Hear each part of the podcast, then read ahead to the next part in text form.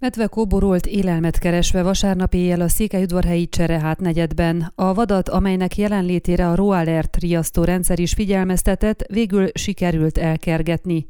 Vasárnap éjjel 11 órakor figyelmeztette a lakókat a Roalert rendszer, hogy medve kóborol a Cserehát negyedi tömbházak között.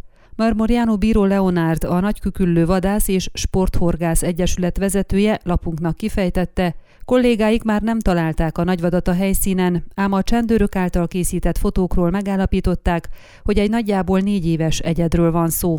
A szakember elmondása szerint ételt kereshetett a medve, amely a kukák körül is kószált. Rámutatott, a fiatal vadat az ételmaradékok szaga vonza be a lakott területre, így mindenképp figyelni kell arra, hogy azokat a szemetesbe, ne pedig mellé dobjuk.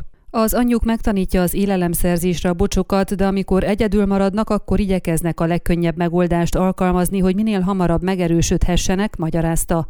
A helyszínen egyébként a levegőbe lőttek a vadászok, ráadásul a csendőrség munkatársai is petárdáztak, hogy biztosan elmeneküljön a vad. Ennek azonban hátrányai is lehetnek, hiszen ha az állat megszokja a hangos zajokat, akkor már ez sem lesz hatásos megoldás.